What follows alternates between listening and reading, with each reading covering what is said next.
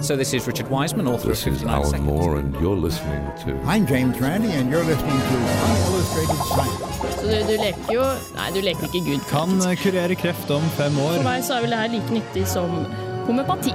Dødsannonsen. Forskningsnytt. Altså, jeg kan ikke lage en hårete planet. Nei, nei.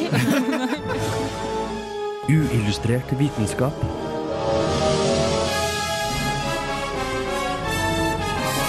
Science, it works, bitches. I denne utgaven av Uillustrert vitenskap er vi rett og slett nødt til å ta opp forrige ukes resultater fra CERN, som forbløffet mange. Men ikke nok med det. Jeg og Ole Eivind har igjen oppsøkt det alternative miljøet i håp om å bli overbevist.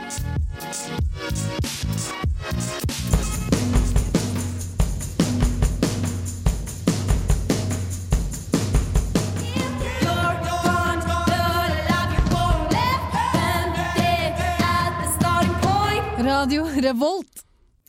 Hei og velkommen til en flunkende ny utgave av Uillustrert vitenskap. Der var det Pelbo med 'Join Their Game' du hørte. Jeg heter Jeanette Bø, og med meg i studio så har jeg Ole Eivind Sigrud Hallo, hallo. og Sunny Islam. God dag. Vi har en aldeles fullstappa sending i dag. eh, Fordi det har vært eh, saker og ting som har eh, skjedd i Sveits. Og for noen saker og ting. Oho, som ga oss litt eh, bakoversveis, og det forstyrra i sin fysikkspalte bitte litt. Så ak mer om akkurat det eh, skal du få høre etter Evidence med You.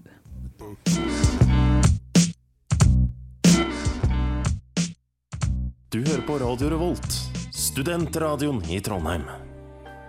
I forrige episode av Uillustrert vitenskap. Men eh, vet vi egentlig i det hele tatt om noe som eh, kan reise like fort som lyset? Den spesielle relativitetsteorien sier jo ingenting om, eh, om at noen ting kan allerede være raskere enn lyset. Det sier bare at du ikke kan akselerere forbi lysets hastighet. Slutt å stille sånne spørsmål, syns du ikke er noe gøy. Og nå, for den spennende konklusjonen Se hva som skjer.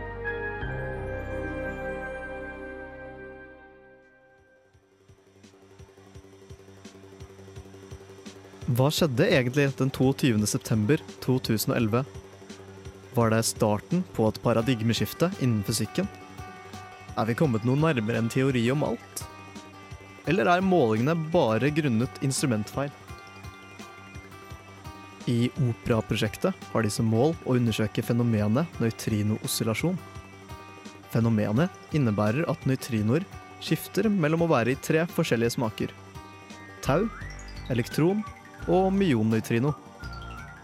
Operadetektoren har allerede funnet taunøytrinoer i en myonnøytrinostråle, men forrige torsdag slapp de bomben. De hadde målt nøytrinoer reise med en fart raskere enn lysets. Og dette var ikke bare et engangstilfelle. Dette hadde de målt hele 15 000 ganger. Hvordan fikk de denne målingen? Er det ikke litt merkelig at relativitetsteorien har holdt i et helt århundre, for å så bli felt i løpet av én rapport?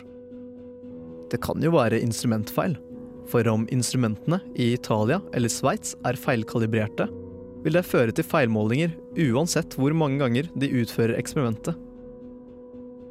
Er det kanskje en mulighet for at målingene skyldes usikkerhet og for store toleranser? Dette er noe tvilsomt. Strekningen nøytrinoene tilbakela seg, ble målt med en 20 cm usikkerhet. Og usikkerheten i tid var på skarve 10 nanosekunder. Hva målingene faktisk stemmer? Bør vi egentlig være overrasket? La oss sammenligne målingene med lignende forsøk. På 80-tallet testet de nøytrinofarten og anslo at den var lik lysets. Dette stemte godt med datidens modeller, som beskrev nøytrinoet som masseløst. Minos-prosjektet, som òg studerer nøytrinooscillasjon, målte for noen år tilbake at partiklene gikk i overlysfart.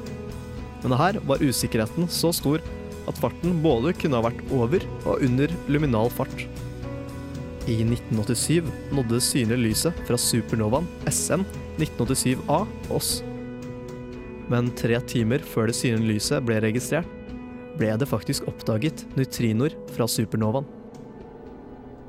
Det er ikke nødvendigvis slik at vi må forkaste den spesielle relativitetsteorien om målingene stemmer.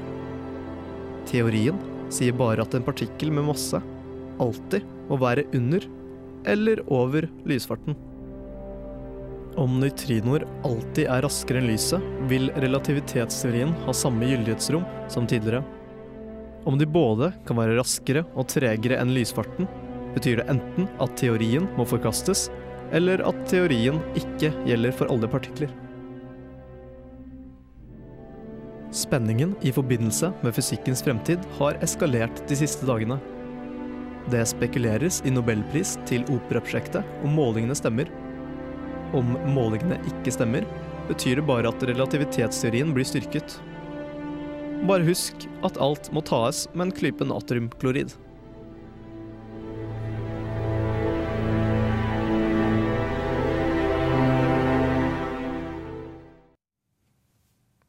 Flott. Storslagent, storslagent der av uh, Sunny, som uh, babla litt om uh, Cern-resultatene. Uh, og jeg hørte du uh, snakka om uh, ja, nøytrino-oscillasjon.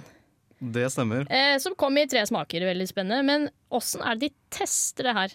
Nei, en ting som uh, veldig få vet om nøytrinoer Jeg vet ikke om det er så mange som vet om nøytrinoer til å begynne med, men de reagerer med så å si ingenting. Så det de gjør, er at de skyter dem fra eh, berggrunnen i Sveits til Italia.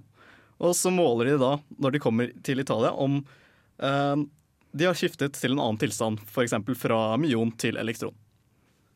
Eh, men du, du, snakker om at det er masse feilkalibreringer og, og for store toleranser eh, osv. Er, det, er det ikke fler, er det flere kilder til usikkerhet i farten? En av de største kritikkene av forsøket er at de brukte GPS for å måle avstanden fra Sveits til Italia. Det høres litt spesielt ut. Det er litt spesielt, men tingen er jo at det er jo CERN, og vi tror gjerne ah, nei, herregud, de kan jo ikke feilkalibrere noe som helst.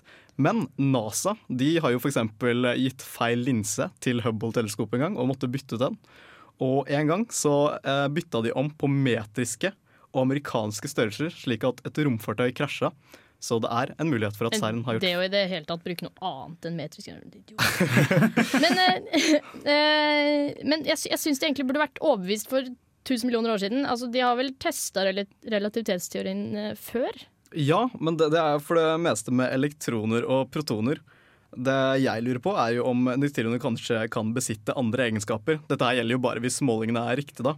Eh, og for alt jeg har lest, jeg er jo ikke helt sikker på dette, jeg leste meg opp på det her i går, så har ikke nøytrino blitt målt i en hastighet lavere enn lyset tidligere. Men, men, men, betyr det at eh, jeg kan bare gå hjem og brenne alle fysikkbøkene mine hvis det viser seg at eh, alt det her eh, stemmer? At da, da er det slutt for relativiteten? Det er jo ikke slik at uh, Du har f.eks. For formelen for bevegelsemengde. P er lik m ganger v. Det er jo ikke slik at den bare slutta å fungere etter vi fant tidsdilatasjon. Det er jo mer at gyldighetsrommet blir minka. Og det samme vil jo skje hvis disse målingene stemmer. Da vil jo vi innsnevre gyldighetsrommet til den spesielle relativitetsteorien. Men eh, eh, også, også snak, når du snakker om eh, eksperimentet, så høres det veldig som flaks ut. Eller ikke flaks, eller omvendt. Det, det høres ut som de fant farta ved en sånn tilfeldighet. Et uhell. Ja, det er jo sånn de fleste store oppdagelser skjer. Fordi det var jo nøytrinooscillasjonen de egentlig skulle studere, men så bare Oi, oi, det her gikk jo kjempefort! Så det har jo, det har jo skjedd før òg. Eksempel Tycho Brahe. Han så jo kometer bak månens bane, og før i tiden så trodde vi at ingenting eksisterte bak månens bane. Og dermed så svekka han jo verdenssynet til Aristoteles og Potlemaios. Du er nerd, altså. Fuck deg. det er ingen er... i dette programmet som ikke er det. Men jeg hører her, fremmedord. Kan det ikke være Vær? at det de har Ja, det er en dialekt. Eh, at eh, det de har sett, at partikkelen er et takion. Jo, det, det, er jo, det, er jo, det de begynner å lure på. Det står faktisk til og med på Wikipedia nå, på Takion-siden deres. Oi. Det er stort. Um, eh, de fleste de tror at oi, de har klart å akselerere uh, nøytrinoene fra under lysfarten til over lysfarten, men det som er tingen er at de aldri målt den under lysfarten. Og takioner, de, for at de skal kunne eksistere, så må de alltid være raskere enn lyset. Så ja, hvis målingen stemmer, så er det my bet. Men hvorfor er, hvorfor er eh, Over til nøytrino eh, igjen. Hvorfor er nøytrinoer så kule og spesielle? Uh, de går raskere enn lyset. Ja, det Kanskje. Ja, Kanskje. nei, kanskje. de, de har f.eks. ingen ladning.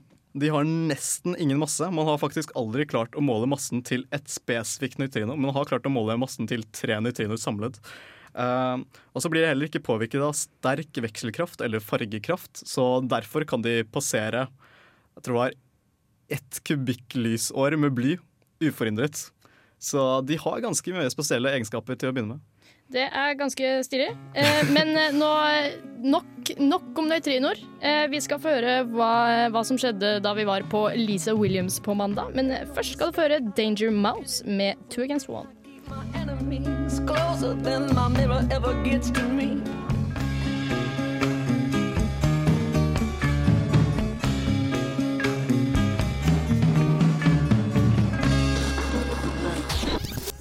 Radio Revolt.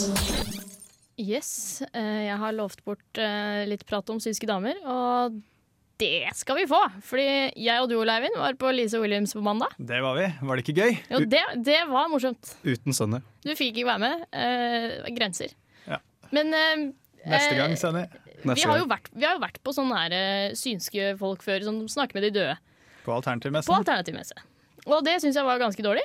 Jeg syns det var skikkelig dårlig. Og hvordan var- var Lise Williams i forholdet? Det var også skikkelig dårlig. Det var ikke noe forskjell, men jeg hadde forventa Jeg syns egentlig det var dårligere, da, med tanke på hvor mye det faktisk kosta. Det var vel 600 kroner? var det ikke? 600 kroner per billett. Det det. betalte selvfølgelig ikke jeg og nei. Men uansett, det, det var dyrt, altså. Dyrt.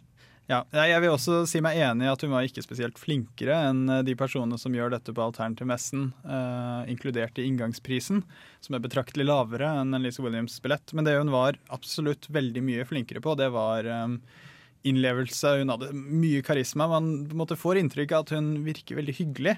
Ja, hun brukte jo en halvtime av Første halvtimen av showet brukte jo på sånn Å, jeg er så hyggelig. Jeg er kjempehyggelig. Det er dere også. Det var da 25 minutter med sånn oppvarming, der hun sånn snakket litt om Norge, snakket litt om hvordan det var å være synsk, og så forberedte på hva de kom til å se. Uh, og dette på en måte gir, man, gir litt mer sympati, og da er det litt mer sannsynlig å tro på det hun sier. Blant annet så gjorde hun dem også veldig forberedt på at uh, de i publikum de må gi utfyllende svar. Uh, for å da Ja. mate åndene med energi, for det var viktig at uh, Lise Williams og den personen i salen hun snakket med, hadde en samtale. Eh, sånn at uh, åndene fikk nok energi. Ja, allerede der så klarte ikke skeptikeren i meg å holde seg mer. Da, bare, da kobla jeg fullstendig ut og fant, fant ut at nei, det her kommer jeg til å hate, altså. Fordi når du må instruere folk i hvordan hun skal snakke med døde, det er veldig rart. Hun burde jo ha, ha peiling på det her. Men vi skal selvfølgelig vi, vi skal gi dere litt eksempler, faktisk. En liten godtepose fra Lisa Williams-showet. Eh, Det skal du få etter Anana med 'Jeg nekter'. I'm James Randi, and you're listening to Unillustrated Science. Yes, det var ukeaktuelle uh, Anana der. Eh, og apropos James Randy, som du hørte der, eh, så har jo vi om eh, en eh, kvinne nå som eh, hevder å ha overnaturlige evner. Ja. Kan eh, snakke med de døde. Det hevder hun. Vi eh, har en eh, naturlig forklaring, og det er at eh, det hun driver med, er cold reading. Det har vi vært innom tidligere. Og er en teknikk som mentalister bruker bevisst, og mange synske kan bruke ubevisst for å få det til å virke som at de vet alt om en eller annen person, men det egentlig er den personen selv som kommer med informasjonen. Og jeg har jo da analysert denne forestillingen og funnet fremgangsmåten hun bruker. Yes. Og eh, hun følger en nokså eh, fast formel som eh, jeg skal innvie dere i, sånn at dere selv kan lære å gjøre som, som Lise Williams. Første skritt er da en, det jeg kaller fisking. Dere skal høre et klipp av hun som fisker nå. Og eh, Der kan dere også legge merke til eh, at hun er veldig sånn karismatisk, og iblant driver hun mumler til de åndene. Så det, ja, litt sånn eksentrisk person.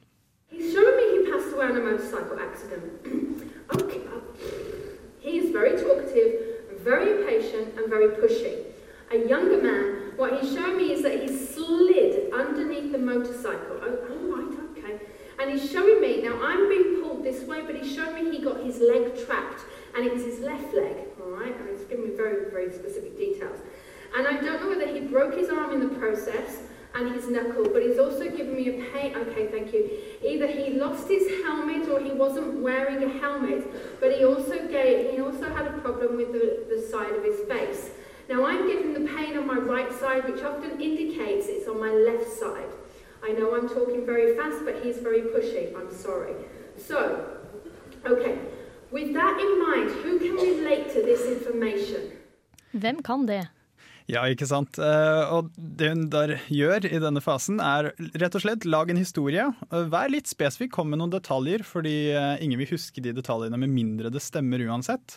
Eh, Men vær vag nok til at dette er treffer mange.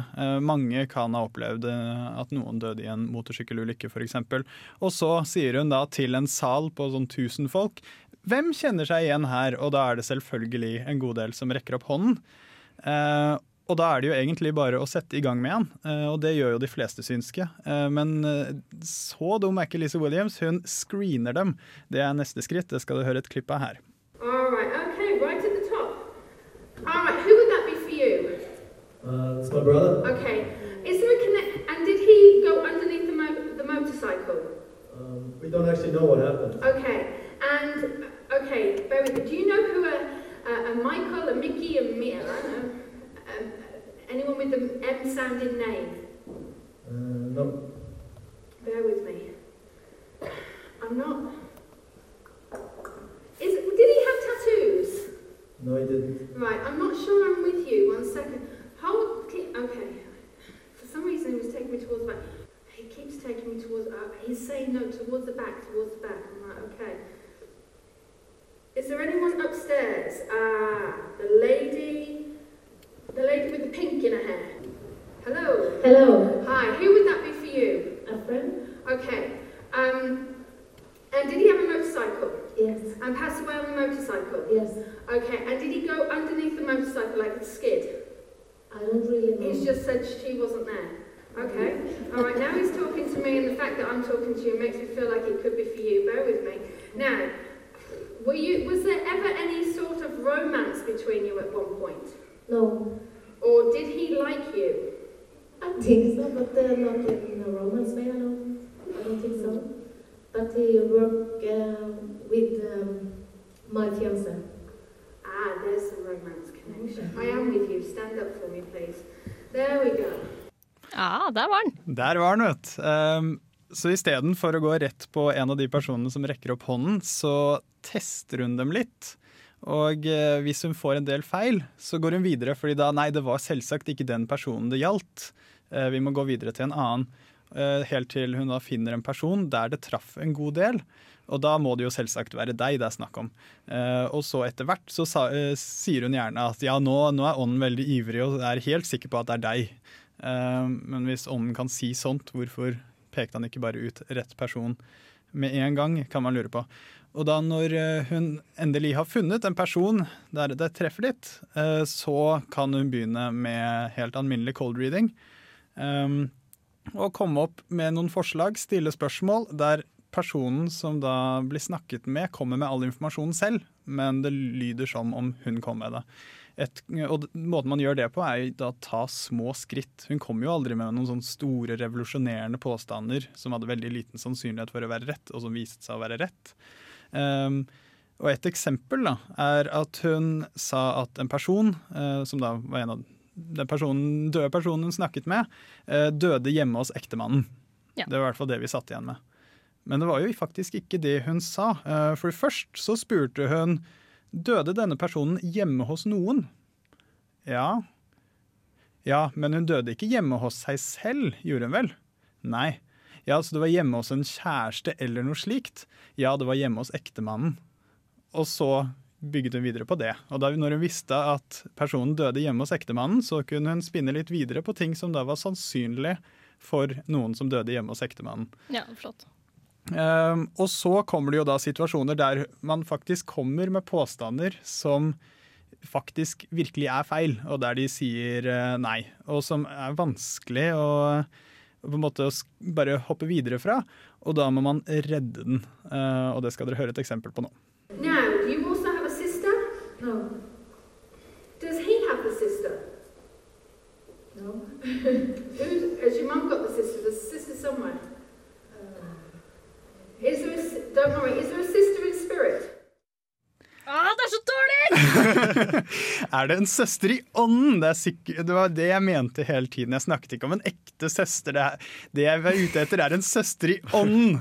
Hva nå enn det betyr. Eh, Det du gjør i redningsfasen, er å rett og slett vri og vende på alt du sier, slik at det utgis for å være det du opprinnelig mente. Um, en annen teknikk hun gjorde de gangene hun kom med påstander som bare ikke gikk hjem, det var å si ah, I'm gonna leave it with you. Som eh, Tenk litt på det, fordi hvis du tenker lenge nok, så kommer du til å komme, eh, på, komme på en eh, kobling. Fordi det var ikke hun som tok feil, det var bare du som ikke skjønte at det var rett. Ja, det, det, det- men jeg, jeg syns faktisk hun, hun bomma litt mer på ting enn enn hun traff. Eller da jeg satt der, så jeg var kanskje en av de som huska mer på bommene enn treffene. Mens resten av salen tenkte litt mer på treffene enn bommene.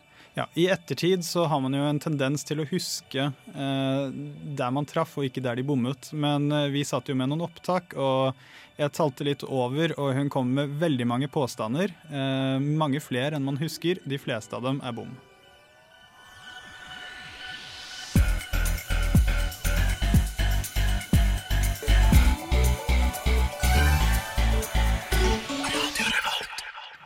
Yes, Her i Uillustrert vitenskap eh, holder vi på å oppsummere fremgangsmåten til eh, den eh, påstått synske Lisa Williams. Og nå tror jeg vi har kommet til punkt fire, Oleivind. Ja, Først så er det da fisking, så var det screening. Så tar man litt sånn småskritt, og så tar man redning hvis det trengs. Og det er egentlig alt du burde trenge, men hvis du ikke er flinkere enn Lisa Williams, så trenger du et skritt til, og det er bytte.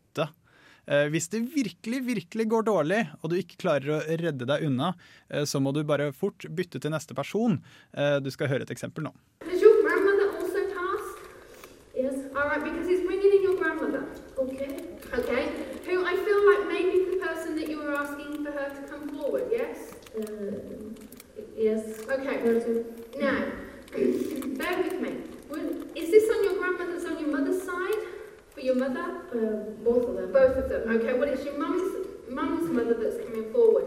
Did she have the cancer? No, not that she. Who had the cancer? Where's your friend? My friend is there. Hello, friend.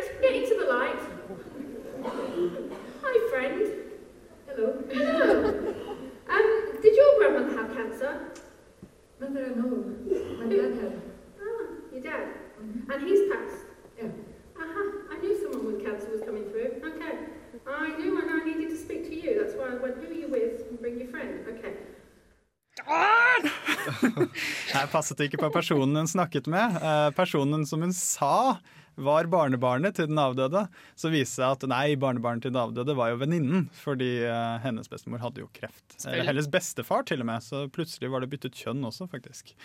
Eh, Så sånn går det. Når nye elementer da ikke passer til den personen du leser, så spør du om det passer noen i nærheten. Og det var jo faktisk noen ganger hun brukte den frasen Ja, er det noen i nærheten som, eh, som sitter i nærheten av henne, som eh, kjenner seg igjen? Og det kjøper folk. Det går helt greit. Det er lov Ja, De lo, blant synske. lo og klappa, og du traff der, ja. Kjempebra.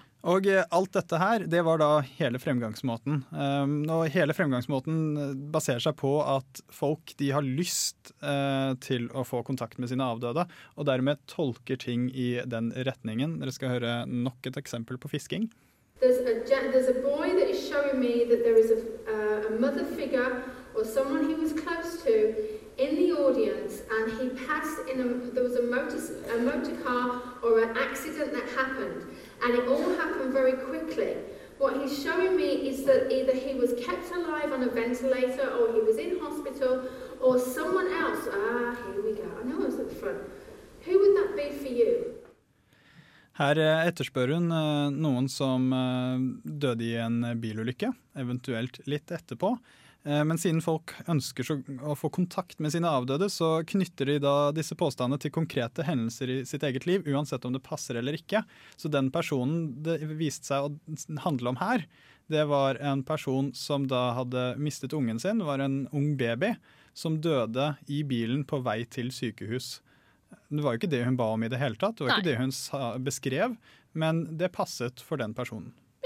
Det er kjempekjekt. Eh, vi, eh, vi er, det er nok av eh, Lisa Williams for i dag. Eh, du skal få fors forskningsnytt etterpå, men først skal du få høre ukaaktuelle Anthony and the Johnsons med I'm in love. I've been touched and I've been touched. Needs too much needs too much. Uillustrert vitenskap presenterer Forskningsnytt.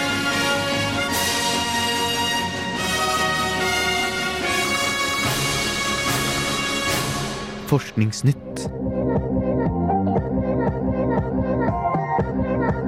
Forskning fra Queen Mary-universitetet har nå vist at global oppvarming kan få mange av verdens organismer til å krympe. Nesten alle kaldblodige organismer blir påvirket av et fenomen som kan forklares som en temperatur-til-størrelse-regel. Som beskriver hvordan individer av samme art når en mindre voksenstørrelse når de er fostret opp på varmere steder. Men ikke før nå har forskerne forstått hvordan disse størrelsesendringene finner sted. Studiet gjort av dr. Andrew Hirst og hans kolleger brukte data på hoppekreps, som er et av de viktigste dyreplanktonene i verdenshavene. Ved å samle sammen mer enn 40 år med forskning på temperatureffekten på hoppekreps, fikk de vist at vekst og utvikling øker med forskjellige hastigheter ved økt temperatur. Konsekvensen er at jo varmere det er der organismen vokser, jo fortere modnes organismen og dermed oppnår en mindre voksenstørrelse. Forskerne håper på at funnene deres vil hjelpe til i arbeidet med å utforske de potensielle effektene ved global oppvarming.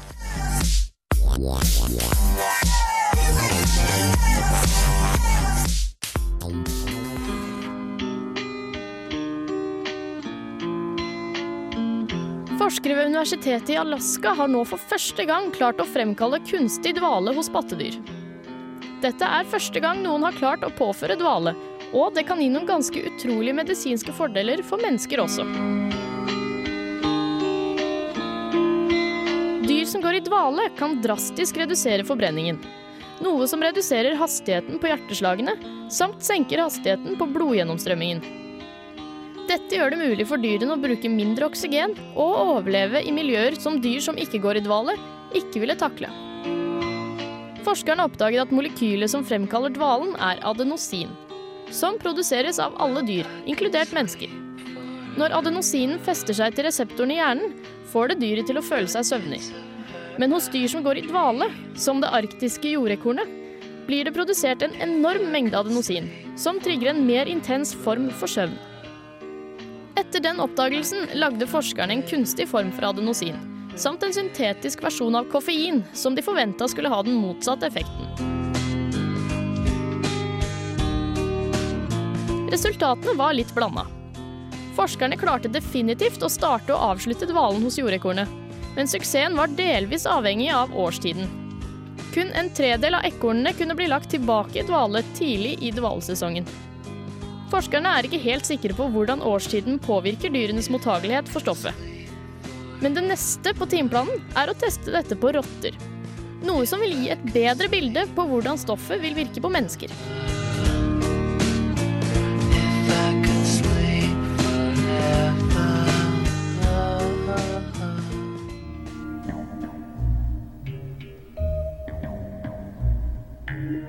Akvarium hjemme kan ved første øyekast virke som et rolig og trivelig sted. Men om du ser nærmere, kan du få øye på en nokså forbanna gullfisk.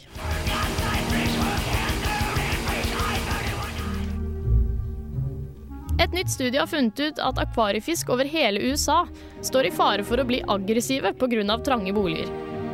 Prosjektleder Ronald Oldfield ved Case Western Reserve Universitet sa i en pressemelding at velferden hos akvariefisken virker nødvendigvis ikke viktig, men for mange av fiskene som lever i fangenskap, kan det bli en ganske big deal. En aggressiv fisk kan nemlig finne på å jage, bite og til og med drepe de andre fiskene.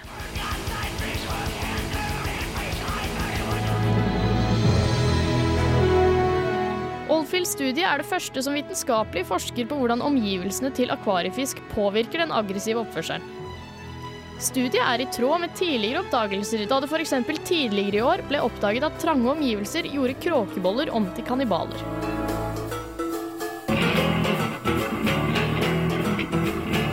Eksperimentene til Oldfield inkluderte også variasjoner av hvor komplekst oppsatt akvariet var. Han fant ut at jo større og komplekse akvariene var, f.eks. mange gjemmesteder, jo mindre aggressiv var fisken.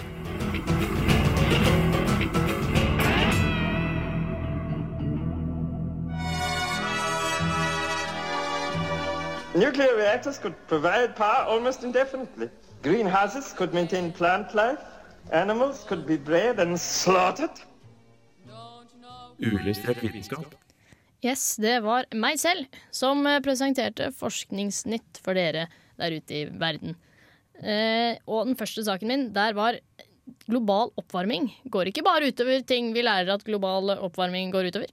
Eh, det går utover størrelsen på dyr. Det er ganske rart. Men, det jeg lurer på, er det er det noen fordel å være liten i varme omgivelser, siden de da blir mindre i varme omgivelser? Jeg tror ikke dette var en sånn evolusjonær forklaring med at det var en fordel, og dermed vil det um, selekteres for. Jeg tror det mer var en effekt av varmen på uh, biologiske organismer. Uh, men uh, nøyaktig mekanismen uh, så det ikke ut som de egentlig visste. Så det kan jo for så vidt hende det er lurt. Kan jo vise at det er en fordel eh, ved senere anledninger. Og så var det en nyhet jeg var litt, sånn, litt glad for å høre. At eh, de har klart å framprovosere kunstig dvale hos jordekorn. Og det, det, synes, det har jeg egentlig litt sånn bruk for. Eller altså ikke på jordekorn, men eh, på, på, meg selv. Så hvis det er en dårlig, litt sånn dårlig dag, jeg bare sover en uke til. Ja. Det går bra. Tror, tror det er lang tid vi kan bruke det her på mennesker. Altså, romfart hadde jo vært ganske mye enklere å reise til Mars hvis du bare kunne sovet gjennom hele turen. Ja, de er jo veldig interessert i, i effekten det vil ha på, på eh, mennesker. Og neste skrittet de skal gjøre en forskning her, er jo da å teste det på rotter. Som av en eller annen grunn ligner mer på mennesker. Jeg er ikke helt sikker på den koblinga der, men rotter, det, var, eh, det er greia. Da lærer vi bedre hva som skjer med mennesker. Men jeg leste noe også om at DARPA, altså et uh, forskningsteam som jobber med utvikling av ting for militæret i USA, driver med noe lignende forskning. Uh, ja, uh, de, de, har lyst til å bruke det her til sine tapre soldater ute i felten som har hjerteinfarkt og åpne sår. Fordi det er ganske gunstig for de, hvis de ligger der med åpne sår, at det er en mindre blodstrøm. Så, så det, er, det, er, nyttig, altså medisinsk nyttig for, for mennesker. Og så er det jo også ganske kjipt å ligge der noen uker med vanvittige smerter. Så Ja, da hadde det vært det- greit å gå i dvale. Det er ikke minst. ganske, det er ganske kjipt. Over til, over til sinnfisk. Jeg har aldri tenkt over, at, eh, tenkt over muligheten for at uh, gullfisken min faktisk kan være fly forbanna. Har, inne- har du gullfisk? Uh, jeg hadde det, nå er den død, Ah, så den er ikke forbanna mer. Men uh, Lisa Williams snakka med den. Men eh, moralen er altså kjøp et større akvarium med flere gjemmesteder. And I want you to look yourself in the eyes and say, fuck you. Fuck your hopes. Fuck your dreams.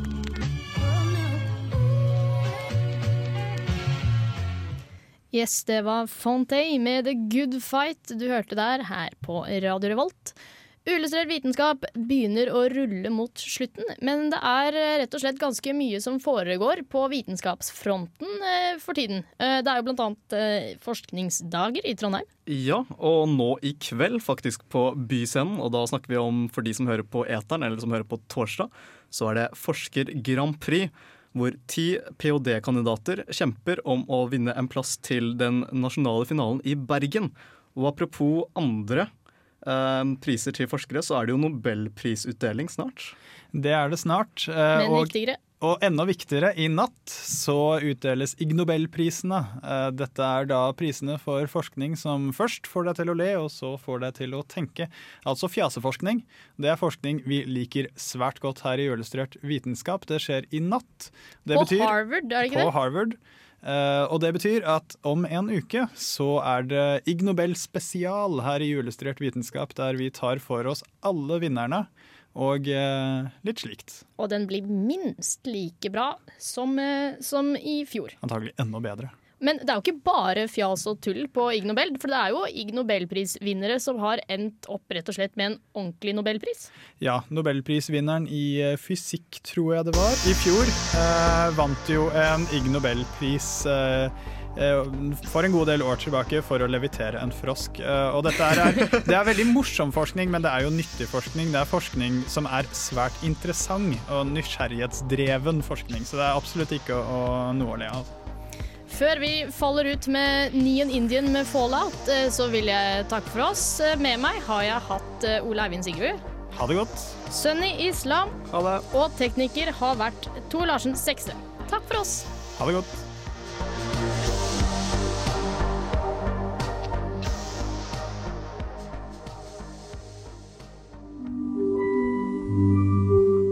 Uillustrert vitenskap er Midt-Norges eneste teknologimagasin på lokalradio. Og vi snakker om alt fra populærvitenskap til sære forskningsprosjekt ved NTNU. Radio Revolt, studentradioen i Trondheim, er stolt av å kunne presentere podkaster fra de aller mest populære programmene våre. Hvis du har lyst til å høre mer fra Radio Revolt, hvem vi er og hva slags musikk vi spiller, så kan du høre oss på FM-båndet i Trondheimsregionen, eller streame sendingene våre live på radiorevolt.no.